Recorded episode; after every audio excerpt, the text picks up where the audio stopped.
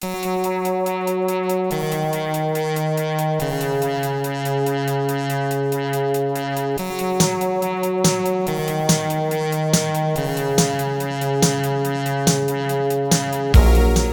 to First Draft with me, Sarah Enni. Today I'm talking to Nina LaCour, author of Hold Still, The Disenchantments, and her most recent book, Everything Leads to You. As I took the winding road to Nina's house in the sprawling Oakland Hills, I'll admit I was getting nervous. The Disenchantments had been one of the books I compared my own to when seeking an agent, and Everything Leads to You had been one that I'd turn to for comfort when times got rough. From the internet, I knew I liked Nina, and from reading, I knew I aspired to her light, clean prose and perfect pacing. Not gonna lie, I was sweating. But when I rolled up, Nina was playing the same song I'd just been listening to in my car, Lorde, of course, and she welcomed me in with open arms and maybe the brightest smile I've ever seen. She's the chillest of the chill and had so many wise things to say. So open the windows, have an afternoon beer, and enjoy the conversation. All right. So, hi. Hi. How are you? I'm doing well. Good. It's so nice to meet you. So nice to meet you too. Thanks for having me over. Thanks for coming out to the woods. Oh my gosh, it's so beautiful. I feel like my mind cleared when I even drove in here. It's amazing. Good. Um, That's how I feel too. Yeah, that's so great. Um, okay, starting all of these with just getting to the really basics, which is where were you born and raised? I was born in a little town called Moraga, which is in the San Francisco Bay Area in the East Bay. I have never left the Bay Area. Really? Yes. That's awesome. I've moved around, um, you know, among the different cities here. But Mm-hmm. yeah, it's interesting. When I was growing up, I felt like Moraga was really small. Mm-hmm. Um, it is small. It doesn't have its own freeway um, entrance or exit. Really? Yeah, it doesn't have a BART station. Uh-huh. So I felt pretty kind of isolated there, especially Yeah. in my teen years. But I always loved the Bay Area, and so my um, goal was to then go um, just to San Francisco for Yeah. college. And so, So, how far away was it? Did it feel like San Francisco was still distant? yes and no. Mm. Like, it's, I think it's only like 20 or so miles away, maybe Okay. 25 miles. But the town where I grew up feels so secluded. Mm-hmm. So I would go into San Francisco, you know, periodically. And, you know, I could take like the bus from Moraga to the neighboring town and take BART Yeah. from there to the city. Yeah, you know, but that's a whole process. Exactly. And I just really wanted to be immersed in it. When I was a little kid, like I had this vision of myself going to work in a high rise in San Francisco and then like going home to a high rise in San Francisco. Like I love that. I love that. Yeah. How did you end up leaving Moraga? What, when did you uh, did you go to school somewhere else? Yeah, so I um when I was 17 I went off to the dorms at San Francisco State and yeah, I mean I just loved it. I, I chose San Francisco State partially because they had a good creative writing program, Ah. but mostly because it was in San Francisco and that's where I wanted to live. Yeah. So okay, so that was my next question: is when did you start writing? I started writing. Um, I mean, I've written forever. Like it was what I loved to do. Yeah. From before I could actually write, I would tell stories. Oh, that's so cute. Yeah, it's always been my my love, and I just kind of always knew that's what I was going to do. Yeah, that's amazing. Did and was it always taking the form of long form fiction? No, I didn't write a novel until I was in grad school, and that novel was Hold Still. It was my first book. So what? Okay, Yeah. we'll get to that. that's amazing. Yeah, I mean- what were you writing? I was writing poetry when I was a kid, and then I was writing like scenes and vignettes like forever from when I was, you know, in middle school through high school through undergrad. Like Interesting. I would just keep writing these scenes. I wrote short stories starting like senior year of high school and continuing Mm-hmm. through college.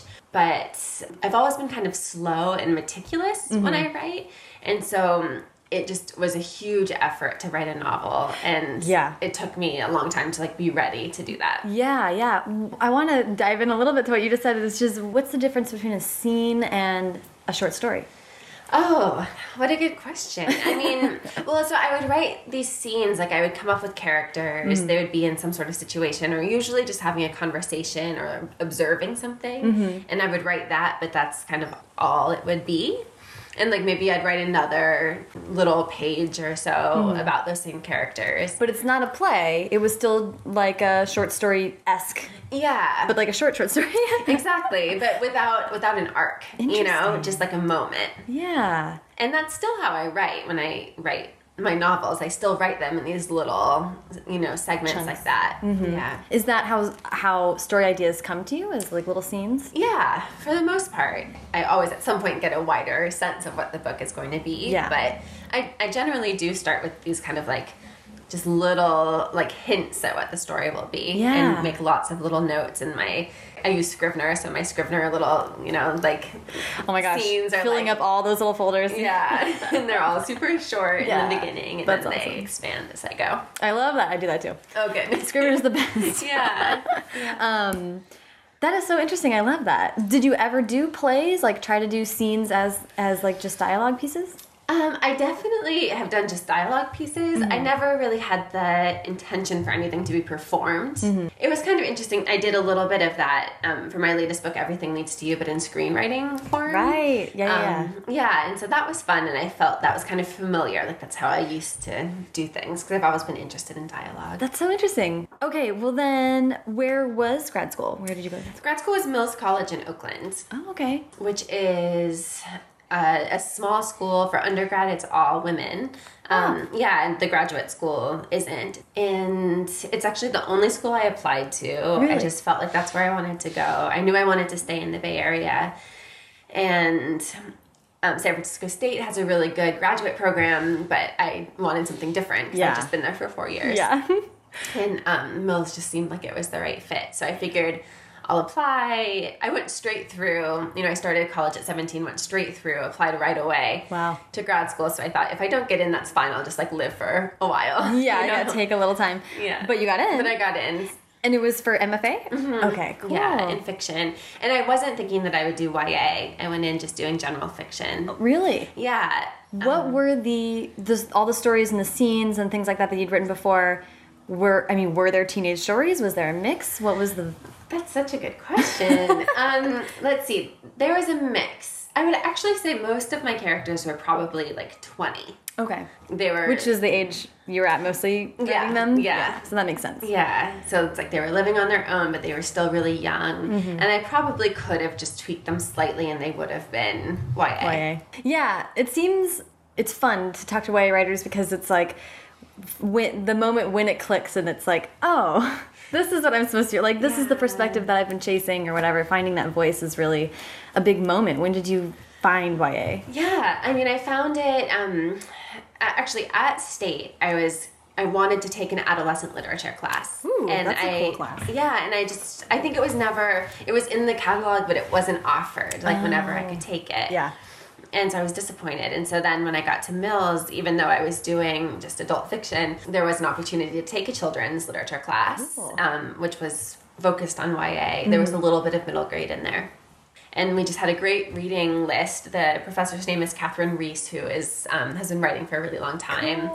Yeah, and she just you know knows everything about Yeah. YA and Yeah. assigned us some great books. And I really fell in love with it. And um, Well, I mean, that was before like the YA explosion. it was. I mean, it. Uh, John Green had already done Looking for Alaska. Oh, okay, But it was. Mm-hmm. before Looking for Alaska was huge. You know, it was like well loved, but it wasn't a sensation. I would Right. say. And we read that, and we read Speak by Laurie Halse Anderson. Uh, yeah. So you were doing contemporary stuff. Yeah. yeah. I was gonna say what like you never know when when you're doing a YA class whether people will go like classic like Judy Blume or right, and we did some of that too. Yeah. Yeah. Um, what were some of the other books you remember?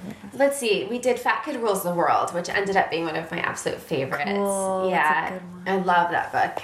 Um, we did the first part last, Mm-hmm, um, and let's see. We did well. I chose Forever um, Cool. for something, Yeah. you know, but I I don't know if that one was assigned. But it was a really good list. Yeah. yeah. So that was the kind of the class that was a turning point for you. It was. I mean, at the same time, I started. Um, you know, we were supposed to write. It was Mm-hmm. also a workshop class, and so we were supposed to come up with a chapter of a young adult novel. And so I started, and um, I had felt like, I think I'd felt writing the other novel that I was working on for adults, Mm-hmm. like. It was really, really hard. Like, Yeah, yeah, yeah. It just, and I think, I mean, looking back now, because I've kind of resurrected that novel and have been working on it mm-hmm. slowly over time, but I feel like I just I wasn't at the point in life that I could understand the experiences that I was trying to write about. Like mm-hmm. I had characters that were much much older than I was. Mm-hmm. Like you know, like parents with adult children and and Yeah. the adult children and you know and Yeah. and it was just um I don't know, I felt like I was faking it. Like I wasn't able to channel it. And I I don't believe that we can only write what we know, but I do believe like there has to be some sort of point of access and I didn't have that. Yeah, like an emotional touchdown. And Yeah. extremely hard. I mean, and this is it's funny because I think that is encouraged in people that are going into creative writing programs. Really young people writing like middle aged Right. people, which is just a sort of disconnect inherently. Yeah. But anyway, oh, No, no, I mean I, that's such a good point because I remember hearing somewhere like that it was you know not cool to write about twenty somethings like mm-hmm. that you know that was really looked down upon, mm-hmm. and I think I took that to heart. But I mm-hmm. was a twenty something, mm-hmm. and it would have been mm-hmm. good you know to have been able to use to you know. to voice your experience, your Right. current life experience. So I wrote that chapter for the YA class, and I felt. um as I was writing, like it was totally right. Like that was the right fit. You know, I, I still remembered being in high school so vividly, Mm-hmm. but I was old enough to be able to like really process and think about what was happening and Mm-hmm. have that, you know, distance that was really important. I just felt like there was this life in that one that wasn't in the other one. And so. And yeah, you said the other one writing it was was tough. yeah. So this one felt like freer or Mhm, it did. Yeah. Yeah. it felt really free. It felt just like right and that I could keep going and going. And, yeah. And was that hold still that chapter? Yeah. Oh my gosh. Yeah. Yeah, it was That's a- incredible. Yeah, I mean, it was it was cool. It was such an incredible experience to write it. Like, Yeah. I just felt like I had kind of found my home, you know, as a writer. Well, I'm, I really want to dig into that because it's it's a tough book. Mm-hmm. It sounds like it was a joy to write, but it's not an easy subject. Yeah. How did the idea come to you? my freshman year of high school, I had a teacher who was a middle school teacher commit suicide, and I had a classmate commit suicide.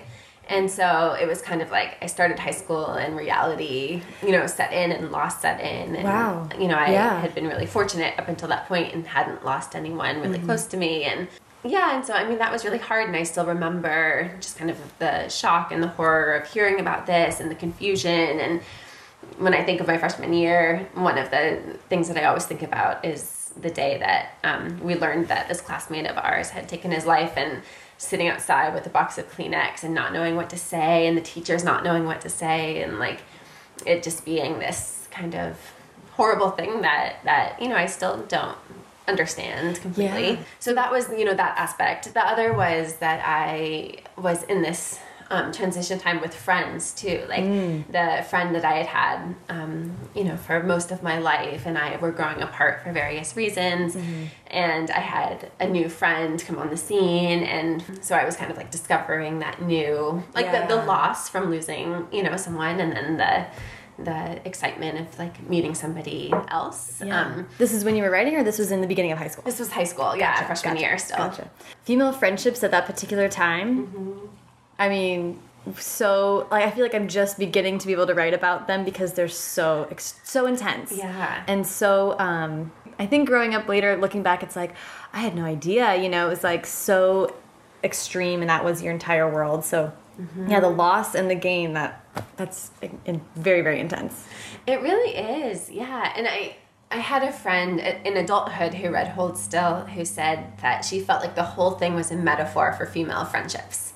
And, you know, that like, and it was really interesting because she hadn't heard my inspiration for writing it or Interesting. anything. It just And I hadn't, yeah, I hadn't thought of it that way either. But then when she said that, I thought, yeah, I mean, that's a lot of it. Yeah. Just like that feeling when you're young and you are so close with somebody, Mm-hmm. and then that ends for any reason is such a trauma at that time. Totally. So you wrote this first chapter. You feel momentum. Mm-hmm. Did you then you just were off to the races? How how long did it take you to write it? Yeah, I mean, uh, let's see, I can't totally remember. I mean, I would say maybe two years Okay, or yeah, so, yeah, a year and a half maybe. I can't remember exactly what semester that class was. Mm-hmm.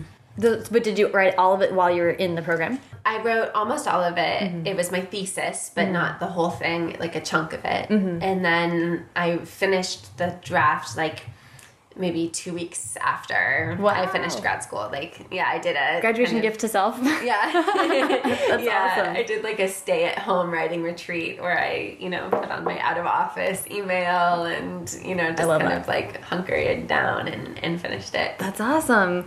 Uh, so then, what you were serious about this book? Mm-hmm. How did you go about the process from there? Of publication. Yeah. As I was writing um, YA, I was still writing short stories for adults. Right. And so I submitted to the Zoetrope All Story Fiction Contest. Yeah. Yeah, which is a great contest. And um, they choose a winner and 10 finalists, or like nine finalists and a winner or something. And I was one of the finalists. And what they do for those people is um, share the short story with a bunch of different agents and publishers. Oh, great. Yeah. And so, um, but that actually isn't how I found my agent. but I had two things come out of that. I had an agent who was interested, who was like a really big time one who will go unnamed. And she was like really persuasive. Like, I, it was so exciting. Like, she wanted to schedule a phone interview. Yeah. She was super excited when I told her I was working on a YA novel and she just like completely like swept me off my feet. She sent me free books like all of this. And then she never she read the first half of my book because she said send it to me now. It wasn't finished yet and she knew that you know obviously typically i wouldn't recommend that people Right. send an unfinished manuscript but um, she knew that and she wanted it anyway. And then she just had like only complimentary things to say about it. And then what I do like credit her for is like she gave me the incentive to finish. Like I mm-hmm. was like, she's waiting for the other half. Yeah. So I worked really hard and finished it. And then she never read it. After all of that, she, She never never, read, read it. it. No. That's so weird. I know, and I waited for like six months. I like sent her emails. Looking back, like later on, I realized my emails became like pretty intense. Like not crazy, but Yeah. like I was really like I, I was just counting on her to do it, and she had asked me, and like Yeah. She had like wooed me. You know, I hadn't asked her. You know, and Right. and I just felt so sad and confused that she never finished. it. yeah, that is crazy. Yeah, but the other thing that came out of the Zoetrope contest was I was um, contacted by an editor at um, MacAdam Cage, which used to be in the city. They didn't do YA at that time. I'm not sure if they do now, but um, she read it anyway because they did some stuff with like young protagonists that wasn't considered YA. Right, And so she was wondering if she could kind of like get it in that way. But she decided it really was YA. Mm-hmm. And then she gave me a list of like four agents that she thought would be good matches for Cool. me. Yeah. And I researched them and I um, queried, I think, three out of the four. And I went with Sara Crowe. Um, and she has been wonderful, you know, ever since. Mm-hmm. Yeah, So, that's but- amazing. yeah, the cool thing about that though is that I totally queried. I didn't even mention the editor's name because she didn't tell me that I could, and I didn't feel Right. comfortable asking. Right. So I just did a total general query. Like I didn't meet Sarah. I didn't have any connections. I just wrote a query letter. I followed the process, Mm-hmm. Just and it worked. Yeah. Yeah. So I like that. I like That's really tell that as gratifying. an inspirational story too. Like it does work. The slush pile does work. Yeah, that's exciting. oh my gosh, perfect. Yeah. So that's great. So then at that point, you are done with school and you have a finished Mm-hmm. manuscript, and Sarah signs you, and you're like ready to go. yeah. How did how did that go from there? Is she very editorial? Did you spend a lot of time before submitting? Um, she can be editorial, but we didn't do very much with Hold Still. Like I had worked really hard on it myself, and then um, we came up with a list of editors together. Mostly she did, but um, I had been interested in Julie Strauss Gabel because of John Green's acknowledgments, mm-hmm. and then a couple, two people wanted it, including Julie, and I got to talk to them both, and then we went with her. Oh, that's so awesome. What was it like to talk to Julie after being such a fan of her work with John? It was awesome. I mean, it was a really great moment. Yeah, she had really exciting ideas for the manuscript, and mm-hmm. that was something that was important to me because I talked to both editors who were interested, and the other one was really a lovely person, but her ideas about what she liked about the book mm-hmm. made me feel uncomfortable. Like, mm-hmm. She was really interested in the suicide and like the self-harm aspect of mm. it and she wanted to know like more about the cutting and more about that kind of stuff and like uh-huh. getting into that. And i felt that that's not what my book was about. Mm-hmm. Um, that my book was really about like the survivor, the friend, mm-hmm. like you know, and yeah, and I didn't want to sensationalize it in any way. Mm-hmm. That was really important to me. And then Julie was like, I love the photography aspect. I like the art aspect. Like this is really Caitlin's story, and I felt like she totally gets it. And so Yeah, that that's was- huge. Yeah, Yeah. it made me feel so confident just going into that. And like actually kind of nice that you had two such different perspectives. Like when you're comparing working with people, it's sometimes really tough when they're really similar. Mm-hmm. Um, but the fact that one had a vision that was clicking and one didn't, that's awesome. Yeah. I was wondering about having this be your debut book Mm-hmm. and having it be about a tough subject like that. Mm-hmm. Were you ready for the response when it finally was out?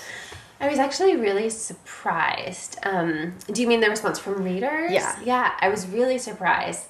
For some reason, I now, like, so many years in, have other friends, like, in the YA world. I have, you know, author friends and Yeah. editor friends and stuff. But, um, at that time I didn't and I I didn't um I've never been really social online so I didn't have like you know, I didn't join one of the like debut year groups or anything like that. Like Yeah. I was pretty much like in a vacuum, I would say.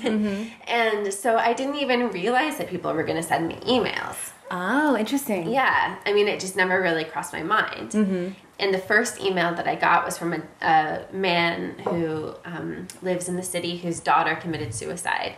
And he had read it and um, was working on his own book. And um, I was just like totally floored and overwhelmed. I mean, it was a like wonderful email to receive. He was really kind, but. I felt kind of scared. I felt like, what have I gotten myself into? Yeah, you know, like yeah. this is really serious like to put something like that out there especially for a young audience Mm-hmm. and when i was writing it i was just immersed in the like creative process and like storytelling Mm-hmm. i wasn't trying to push any kind of agenda or Right. like be controversial or anything i was just like working on the story and so over the years i mean i've gotten I don't know how many, I mean, hundreds and hundreds of emails from young people going through things. Most of the time, I would say they're like thanking me for the book, saying that it helped them understand something or, or that they used to identify, you know, with one of the girls, but now they feel stronger, you know, something Yeah. like that. But sometimes I do get one that's like a cry for help, and, and I try to rise to the occasion as best I can while telling them that I am not.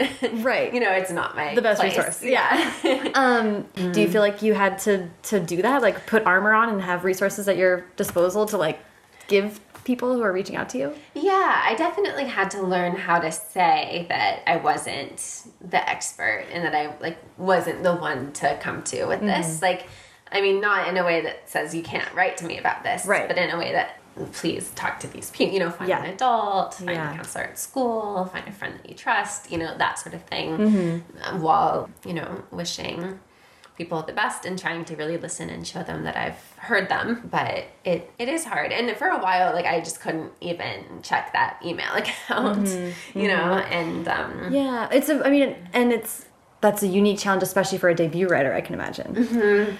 um luckily I was a high school teacher at the same time. So That's right. I mean I, that gave me a little bit more perspective, I guess. Yeah. You know. Okay, wait. Let's go talk about how you're teaching high school. How did that come about? I I mean, you know, I had an MFA in fiction. Like I had to do something. Right, right, right, right. I've always loved teaching. Both of my parents are teachers. Like Oh, it's cool. yeah, it's a family thing and and um Were you teaching while you were at MFA? Was that part of the program? yeah, Okay. yeah, I taught the yeah, the undergrads and worked like tutored in the writing center and Mm-hmm. stuff like that.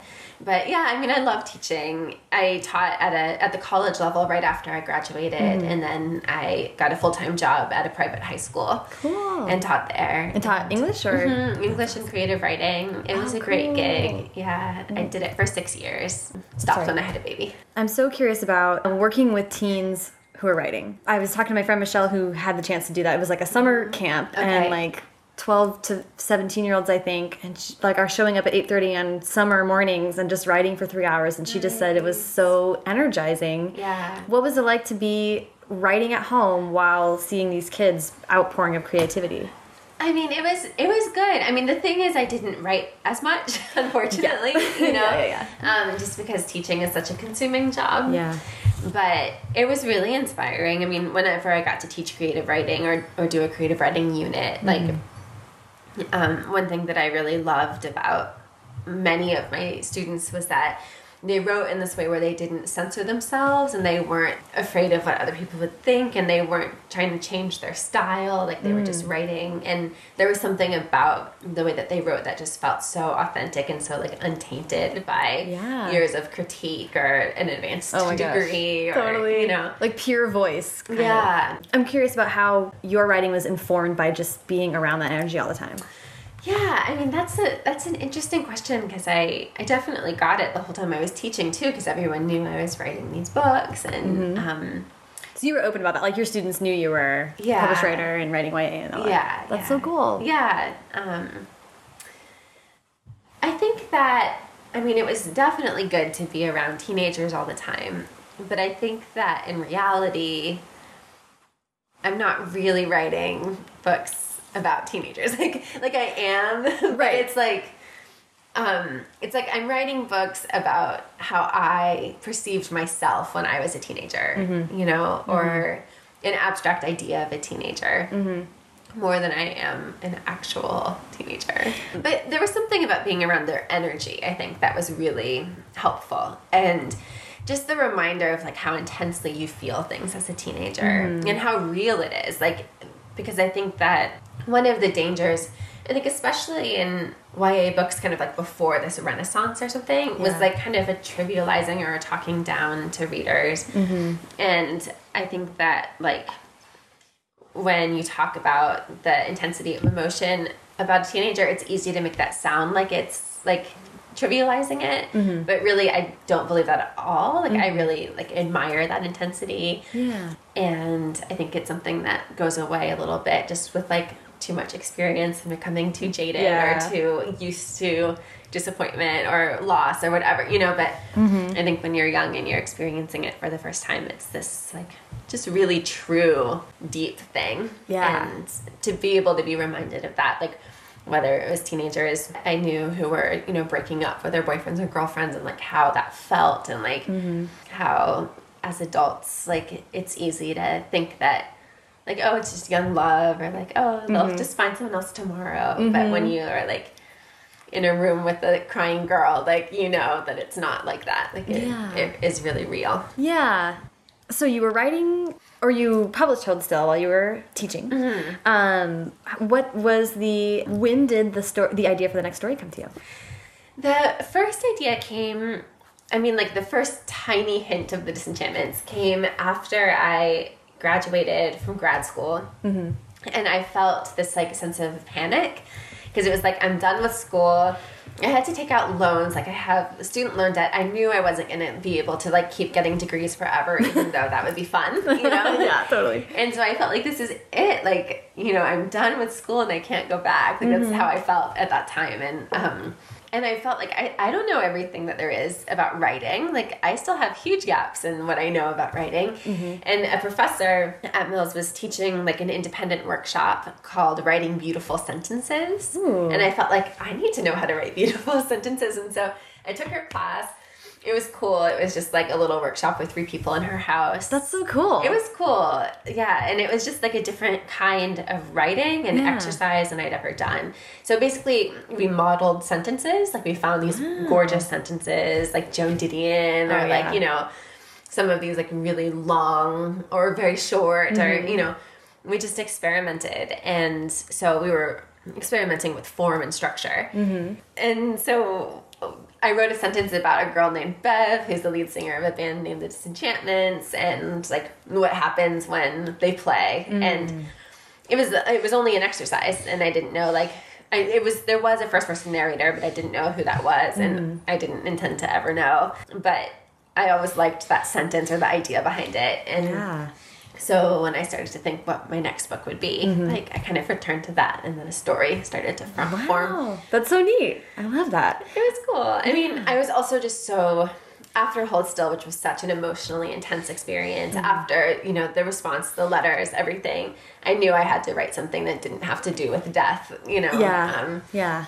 I don't think I'll ever write anything that doesn't have its fair share of like angst or Right. you know heartbreak. But Right. I wasn't gonna write about like the suicide of the best friend. Yeah. I showed Sarah like the first couple chapters or so Mm-hmm. when I had them, and she said, "Yeah, go for it." But it was already under contract. Oh, yeah. So I got a one book contract for Hold Still, Mm-hmm. but then but right before publication, Julie was like, "Let's get another one going." Oh. Yeah, so um, That's awesome. So she was total like vote of confidence. Like I want to do this again. Yeah, That's yeah, awesome. Which is great. Yeah, but then she didn't read it until it was done, like Mm-hmm. until I had a full draft.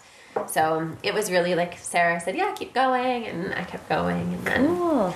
How did um um and I'm sorry for forgetting this, but hold, where does Hold Still take place? Is it? it takes place in a fictional East Bay, Okay. Sydney town. Okay, I was Yeah. gonna say I feel like it wasn't a real Right. spot. Okay, Yeah. um, but that was East Bay, and then Disenchantments is what led you to want to throw in a road trip element? I mean, I used to love taking road trips. I still would love taking road trips if I didn't have a toddler who hates the car. Oh But- really, the yeah. only toddler in the world that doesn't just fall asleep immediately? Oh yeah, no, That's she funny. she resists. Uh-oh. She has a very strong will.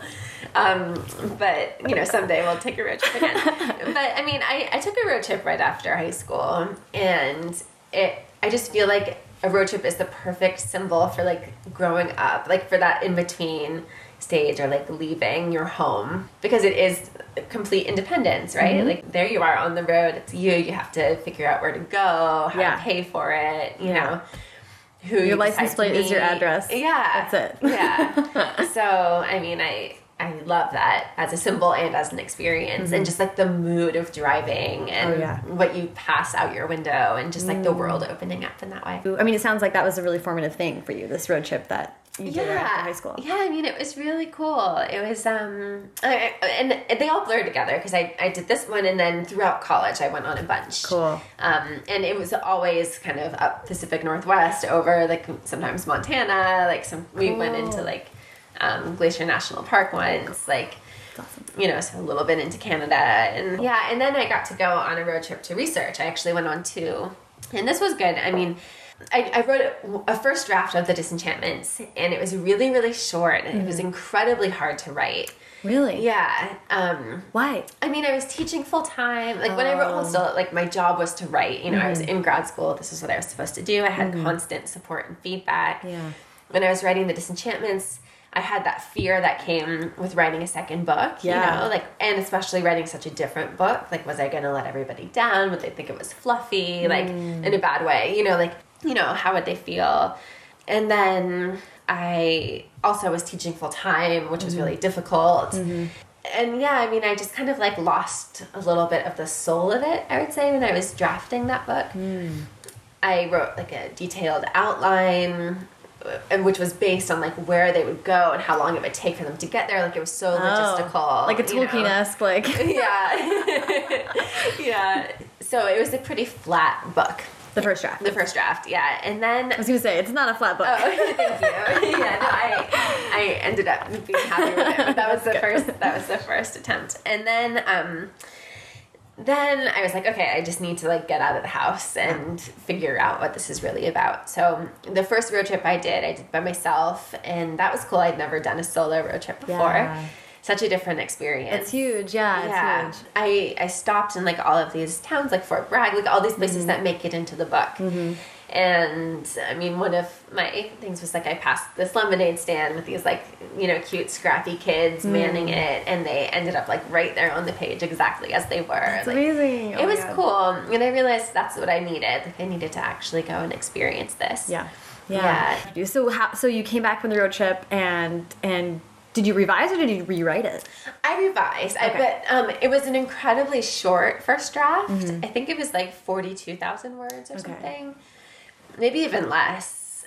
Um, and then it ended up being closer to 70. So Wow, like yeah. it was a major expansion. Yeah. So everything that I wrote stayed, but it just got like a lot fuller. expanded. Yeah. Yeah. Um, that's so cool. I mean, I'm interested in you said the sentence, the the sort of the heart of the book and the idea Mm-hmm. was about Bev, but it is a male point of view. Yeah. How did that come about? Yeah, I actually like I went back and forth a little bit. Um I wanted the narrator to be really an outsider from the band. I, I thought maybe I would have a girl narrator, and then it, it just didn't feel right. Like, it felt like it would be too weird to have like a girl as the outsider of an all-girl band driving them around. Like, I don't know, i didn't feel the same Yeah. it would if it was like this boy in love with his best friend driving around with all these girls. Yeah. you know. Yeah. I also think that's like intriguing for teenagers, like just like uh, to be out on on the road with like one boy, four girls, like Yeah. come? Like I think that's a cool dynamic. Yeah. And then Colby just kind of became more real to me as I started to do that. Interesting. What was the drive to have the narrator be an outsider? That's such a good question. Because it sounds like that was pretty fundamental to the story, like from the beginning. Yeah, I guess because like it is to me a really like angsty, heartbreaky kind of story, Mm-hmm. and for some reason that's what lent itself, or maybe it goes back to that first sentence, like. Bev's the lead singer of a band called the Disenchantments. It's mm-hmm. not like a band that the narrator's in. you know? Right. I guess from the beginning. Right. It was always like there was that group and then there was the person telling the story. Yeah. I just, I, it's such an interesting framing of it because I do love, I have a love for stories where the narrate, the book is not about the narrator. And I think that's true for the Disenchantments. Uh-huh. Like, it's not really his story. Yeah. But he's the perfect person to tell the story.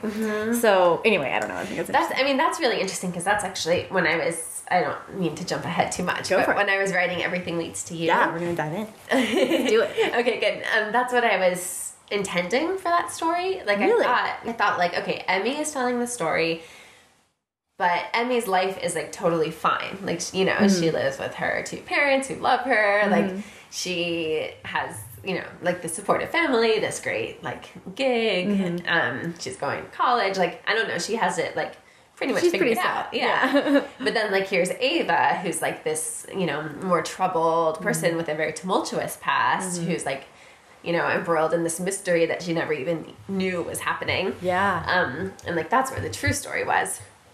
And so in the first draft, it was much more Ava heavy and much less focused on Emmy. Mm-hmm. And I was even like, I reread The Great Gatsby, excuse me, like thinking, here's an, a model of a narrator. who- Totally. It's like, it's not about him, you Totally. know? But um, then as as I continued to write and work with my editor, I realized like, okay, this is Emmy's story. Yeah, that's so funny. I was gonna say I can see on paper how it would not be Emmy's story, but it so is. It's like not the same um, Yeah, as and- Disenchantments. Yeah, yeah, and it's interesting because like hold still, the editing process was mostly cutting. Mm-hmm. It was a lot longer as a as a manuscript than it was when it was finished. Interesting. The Disenchantments was all about adding. Mm-hmm. Like I, as I said, I I don't think I changed anything that I originally wrote except for padding it. Wow. And then everything leads to you was like the most intense editing process ever. It was by Really? far my biggest challenge. It changed so much. Wow. Yeah. Before I get too far, I do want to just see where we are on the timeline as far as the Hold Still movie effort. The Hold Still movie effort happened between the first draft that I submitted mm-hmm. of Everything Leads to You and my first major revision with my editor. Oh, wow, really? Yeah. Okay. Because Uh huh. everything because everything leads to you is uh, so cinematic and so about cinema. Maybe we should back up to where you got the idea for the story. Yeah, great. Okay, so I got the idea for the story. Um, it's in several different parts, so I'll just Go for it. start in the beginning. So, I mean, I had always wanted to write a lesbian love story. I'm married to a woman, like it felt like something I wanted to do. Um, but I didn't know what the story would be, and I, you know, my first two books weren't really love stories. Like The Disenchantments, definitely that was an element of it, mm-hmm. but I do think it's more of like a self-discovery story. Mm-hmm. And friendship. and friendship yeah. You know it's not it's like something i knew i wanted to do but i didn't know how i would do it. Mm-hmm. I don't think i'll ever do it again. Like, Really? yeah. Because I, did write down here, I was like, what made this the story for it to be a, a lesbian romance? Yeah, um, I don't, I don't know. I mean, it's just I wanted to do it. I, Yeah. I wanted to do it at some point, but then the catalyst for actually doing it and making it my next book was I went to Minnesota to this school of three thousand kids who had read Hold Still as a school wide read. It was incredible, Oh like God. total once in a lifetime experience. Yeah. And um, part of the reason that the reading committee had, had invited me was because they had experienced a bunch of losses uh, um, of their students to suicide. Wow. And a lot of these were influenced by bullying, many of them over LGBT issues. Wow.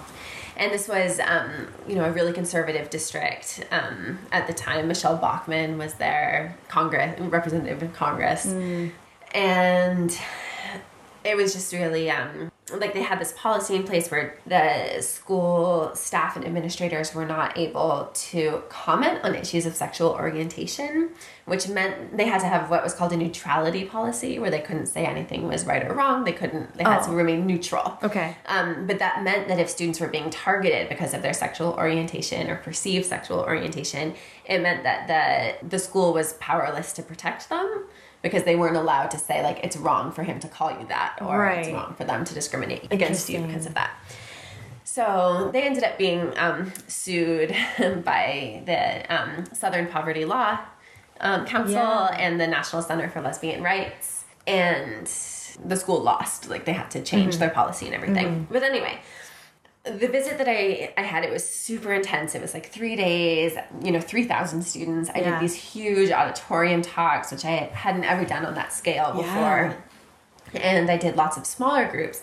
And I got to meet with their Gay Straight Alliance in the library one afternoon. And it was just this like incredibly moving experience. And they were so sweet. They were so like engaged. They had all done their reading. Like, Wow. and I thought I was like bracing myself to talk about suicide because it was like their friends who had died, Yeah. you know, um, and just everything that they were up against. And instead, like we did talk about that stuff a little bit, but really what they wanted to know was just like about my life. Like I had this one girl, like she raised her hand, she was super tentative, and then she said, like, let me know if this is a personal question, but I might have heard somewhere that you are not completely straight. And I was like, well, I'm married to a woman, so yeah, you're right. Like, I'm not. The rumors are true. Yeah. That's so funny that you're not completely. I know. like she couldn't even say it. That's so Um, sweet. yeah, and and then like the conversation just took this turn, Yeah. and they were just like, "What's it like? Like, what is San Francisco like? Like, can you hold hands in public? Um, you know, like." You know, they knew I taught high school. Like, it was like, do the kids know? Wow. Um, you know, do does do your colleagues know? Like, it was just all about this, and I kept going like, yes, like yes, we hold hands public. Like, yes, they know. Like, Yeah. of course. Um, and I realized, like, okay, this is what these kids need. Like, they need a happy, affirming story about a same sex relationship. Yeah. between teenagers. The Like, fact that those are their questions, like day to day, how do you exist questions, that's like super moving. Like, whoa. Yeah. Not in a good way. Right. Holy crap. But I'm glad you were there to say that to them. yeah. Can you hold hands in public? Like, my I heart's know, breaking. I know, I can see that. Holy shit. yeah, no, I know. I was really moved by them. Yeah. Um, and it was like, I left them, I like finished the day, I went back to my hotel room, and it was like, what story can I tell? Like, Yeah. what's this gonna be? Like, it has to be a love story. Like, Yeah. it has to, it has to be, you know, ultimately happy. And So you wanted you wanted to tell a lesbian falling in love story anyway. Yeah. And then this was a momentum to be like, it needs to be a really affirmative one. Yeah. Okay. Yeah. And maybe, I mean, if I like go back, maybe I didn't even necessarily need at first to, for it to be like a lesbian love story, like a mm-hmm. romance. Like, I think I wanted, I wanted to write a story about, you know, a lesbian teenager. Like, and I assumed romance would be a part of it, but who knows? Like, it could have been a another angsty one, like the Disenchantments. Who knows? Right. You know? Right. But instead, I realized this was made me realize that it has to be mm-hmm. a happy one. About falling in love, which is also another like not going in like like choosing to go down a positive path personally for you as a writer. That's which is yeah. exciting. Yeah. Sort of giving yourself that permission to have a happy brain space for a couple years. Right. It's pretty huge. yes. Except it like was so hard for me to write it. oh no! so what was the challenge? Um it's much more plot driven than my other Mm-hmm. books. A lot more happens. I mean, There's a um, pretty big cast of characters too. yeah, and I mean, it's just a different thing. I think that what comes more naturally to me is a more like quiet, introspective book about Yeah. like personal struggles or mm-hmm. friendship or you know, and and so this one was just kind of really different. I mean, I really admire people who can write these love stories, you know, like Stephanie Perkins or Yeah. Sarah Dessen, like these books where in every one you know they're going to get together and yet you read wondering how that's going to happen. Yeah, and, you know, totally. How they keep up the suspense while still. That's a really huge skill. Yeah, yeah, and it was one. I mean, it took me a long time to to get it right in that book. Okay, but we. I also did want to know the cinema aspect Right. of the idea. Okay, so I don't know why Hollywood popped into my head, but it did. I do love LA. Um, I have a lot of family there, and so it's a place that I've known growing up and, mm. and continue to really enjoy and discover more of all the time. And so I wanted to set something there. Everything else had been kind of Northern California mm. or road trip. And so I wanted that. I'm really interested in filmmaking. And I'm also really interested in like interior spaces and for fun. Like I go on Design Sponge and stuff like that. Like, Yes. That's my Ah, yeah. it's the best. I was reading the book like, oh my god, the description of spaces was so great. It Good, was awesome. good. So I have a, a friend of a friend who is a really successful production designer and who was just like instrumental. I could not have written the book without her. Yeah, the details are really. I mean, you would have had to speak to someone because Yeah. it's really insider type of stuff. Yeah, and I had no clue how this all worked, but her name is Katie Byron. She um, did the movie Like Crazy, among many others. Yeah, but that's the one that she kind of told me a lot about as I was researching. And so, um, not only was like what she told me incredibly inspirational for the book, but it was also just inspirational for life. and I was like, I want to do this. Like, I want to make a movie. It just made me so excited. Yeah. And so, um, my best friend Amanda, who um, Amanda Cramp, she has a background in like theater and some film stuff. And then um, my wife is a photographer, and it wasn't too much of a next step to like learn some cinematography. And I took a online class on how to write a screenplay, and we just we did this, yeah. And I mean, it's taken forever it was the hardest thing I've ever done. And when I did it, everyone, I mean, people who were parents said, like, just wait till you have children. But it was still harder than being a parent. Ah, like, it was really the hardest thing I've ever done. Interesting. Um, yeah, I mean, just like we we made an entire movie, including post production, for nineteen thousand dollars for for a feature, which is just like unheard Wow. of. And it's not like we were we didn't like do it all in one place. Like we had a movie theater, we had a high school, and Yeah. and we did use our apartment for a lot and turned it into a set, which just made like living chaotic. Yeah. It was an incredible experience. It was, you know, we didn't have the money to hire the kind of crew, or so we were just doing it all ourselves, and it was really Yeah. just so challenging. Yeah. well, what was it like working too with really good friends and your wife on a project that is so stressful? What was that like? It was fine. Like the three of us have done stuff together um, in the past. We've done a lot of things, and we work really well together. So that was fine. Like, there were no conflicts there. Yeah, yeah. Because that would be tough. It I would mean, day in day out with people, and and especially when you're talking about combining like creative visions, that can be sort of thorny sometimes. Yeah, it can be. And I mean, and there were certainly places where we disagreed with one another, Mm-hmm. but um, but it all totally worked out. Yeah. Oh, so now I mean, it's taken forever, um, but we now have a score. We got sound editing all finished, and so now we're kind of in this. We're waiting to hear from a film festival. Um, and we'll see how that goes. And if we if we don't get that one, then we'll kind of open it up and submit more widely. But this was one that we were invited to submit to. So Mm-hmm. Cool. Oh my gosh, that's awesome. yeah. Um, that's amazing. Thanks. The because I know it's like so much about in everything leads to you is like feels like it was probably just lifted directly from that experience. Yes. So at what point, how did the writing of the book and actually doing all the movie stuff? I can't imagine that you're able to do both at the same time that much. No, I mean, while we were doing the movie, that's all we were doing. Yeah. For sure. Um, but yeah, after that, um, I got my editorial letter, so I was ready to start working on my first revision.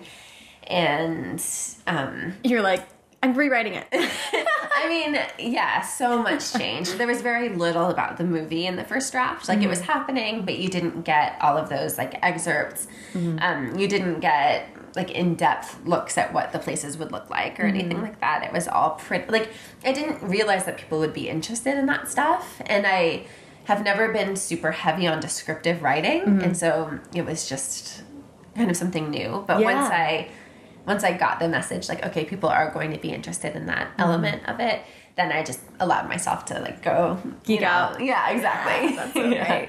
Um, how, how did learning the screenplay element of it not only impact the writing of the book, like, of course, that factors into the book in there's excerpts, there's things like that, but what about how did it impact your writing style, like at all, your process? You know what I learned from the screenwriting was that like writing a screenplay and writing a novel are entirely separate, Yeah. you know, beings. Like totally different. I guess it I guess whenever things are so disparate, it makes you see them each more clearly. Yeah. Um so I I did embrace, you know, the descriptive Mm-hmm. opportunities that novels present in a way that I wasn't able to. Yeah. The other thing about the book is that it's so, I mean, it's your first book. Well, it's not your first book that this takes place out of San Francisco, but it's fully 100% in LA. And it was so like, I was reading it at the point where I was like, uh, thinking of living somewhere new. And LA had already been kind of in my mind. And then I started reading it and I was like, it's over. This is the greatest town. It was like, just, it's like such a love letter to LA. What was it like writing that? Did you go visit in between? How did you get yourself immersed there? Yeah, I mean, I stayed in Venice for a little bit. Got this cute little apartment. Um, I really love Venice. It's so fun. And my grandmother lives in Long Beach, and Okay, so I'm really familiar with Long Beach. And Kristen's family lives in West LA. Oh, so okay, wow, yeah, that. everyone's So, down there. Yeah, so you know, I I associate LA with good things and people I love, and Yeah.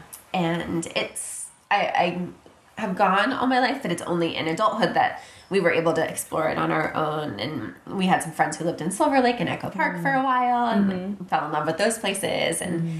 you know i don't love everything about la i'm not totally over the moon about it the way that emmy is. Like Yeah. when we're in it we like curse the traffic and you Yeah, know totally. um, but i do like it a lot. Like it's it's a place that i really love spending time. Yeah. It's funny because it feels like this book was like about so many joyous things together, which is a falling in love story and then the best parts of LA because that's what ultimately writing something that's away from where you live is just writing your favorite parts about it. Yeah. Usually Right. or or the worst or whatever, but this was the best parts. And then the film which I think was a satisfying thing for you. So it seems like it was like a joy explosion in this book. Yeah, that's a nice way of looking at it. I guess I took this like I'm going to write a happy book, like, and really just made it like that. Um, But it was an extremely hard revision process it sounds like. it was, it was. You know, I think what this book does, prob, I mean, all three of my books have an element of creativity, and like, you know, they're all of the characters are artists in some way. But I think what this one did was capture something that I feel very strongly because I'm not a photographer like Caitlin and Hold Still. I'm I don't draw like Colby, but I do just um, feel like the most alive and happy and like awake when I'm in the midst of some sort of creative project. And especially when that can be a project that other people are a part of as well. Like it just I feel like it's just like food. Like it's just so nourishing Yeah. and um, I think that's I was able to really channel that, you know, with Emmy and just like the joy of that collaborative process. Yeah. I'm interested in that because writing is not a collaborative process. Right. So how do you balance a very lonely form of expression with the urge to have other people participate? I think by like switching it up because I do also then get overload and want to retreat and want to have complete control over what I'm doing. Totally. So I mean, in that way, it was great. Like I got to work on this book, and then I got to work with a ton of people on Mm-hmm. a movie, and then I got to go back to just being by myself in my little room and Mm-hmm. And working alone again. So I want to just go back really quick to you said that this may be the last lesbian romance story or Well, the last like love like love story where it's going to be like it all leads up to the moment of them getting ah, together. You know, okay. I mean that like I so admire that ability to tell a story like that over and mm-hmm. over again in such a different way that feels fresh every time. But after doing it, it's not something that I want to do again. Like Mm-hmm. I didn't enjoy that aspect of it as much as I enjoyed like writing about the interiors or Yeah, yeah, yeah. doing a project. Yeah. know? Or as much as I enjoyed writing about heartbreak because I really like writing about that. You know. So funny. Um, so so you didn't mean I mean it's not the last story that you would want to tell from like a, a narrator who is a lesbian point of view. Okay. No, definitely. I was gonna say why? Yeah. why wouldn't you? Okay, got No. it. Um, is there sort of a, a discussion about stories about LGBT teens that are not uh, like coming out stories? right. like alternate stories, which is sort of everything leads to you falls into that category. I think. Did you were you like conscious of that, or is that something that you're interested in seeing more of, or Yeah, I mean, I wasn't interested in writing a coming out story. I knew mm. that. Like, I do feel like that's where most of the stories are that I have read mm. about LGBT issues. And I didn't want it to be an issue book. I just wanted it to be a love story. Like, that Right. was my big thing. Right. Happy love story. yeah, But at the same time, I think that there's always room for coming out stories. Like, mm.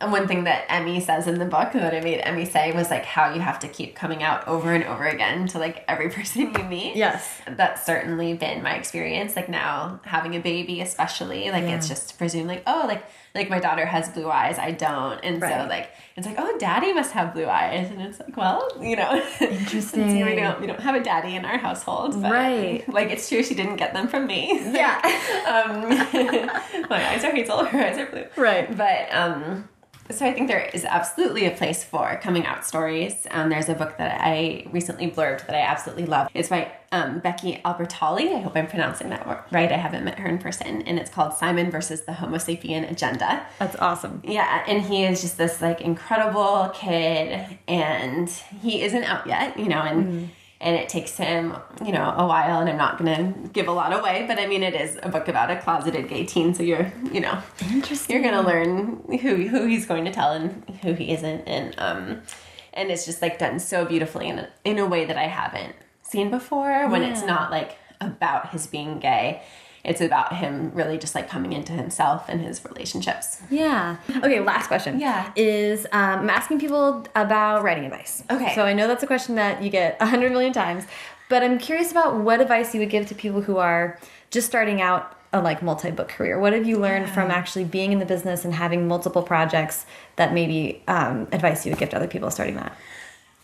I would say, I mean, a few things. One is I've gotten into a bad habit, which I have started to break, but it was there's so much waiting in this business. You know, once you've given your manuscript to your editor and you're waiting, or like you're waiting for them to read your revision, mm-hmm. or you're waiting to see what your cover will look like, or for your release day, or for you know the advanced reader copies to be released, like on and on and on.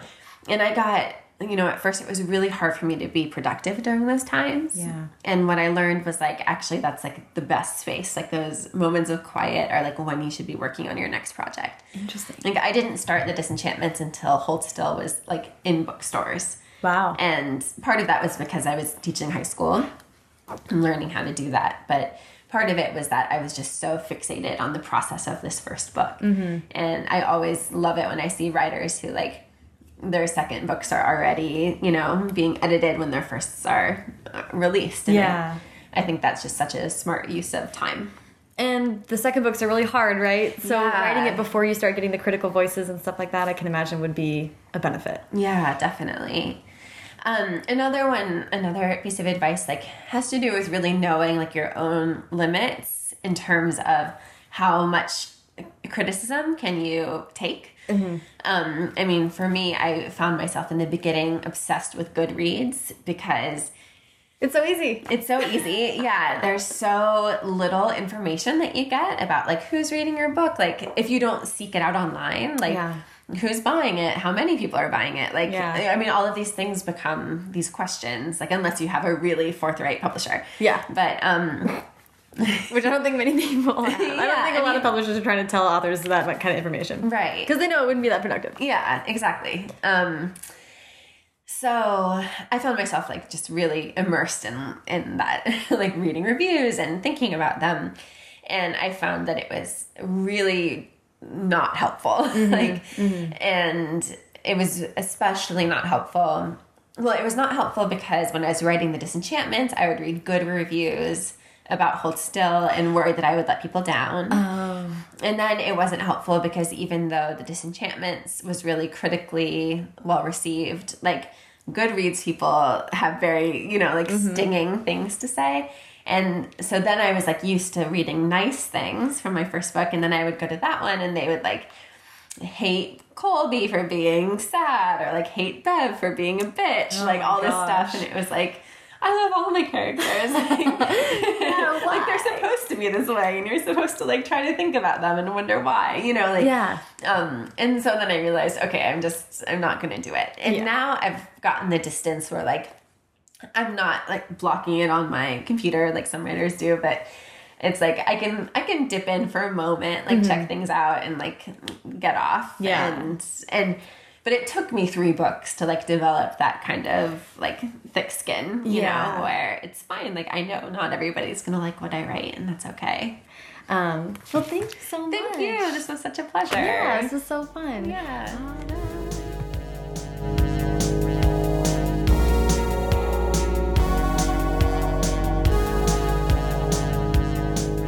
Thank you so much to Nina.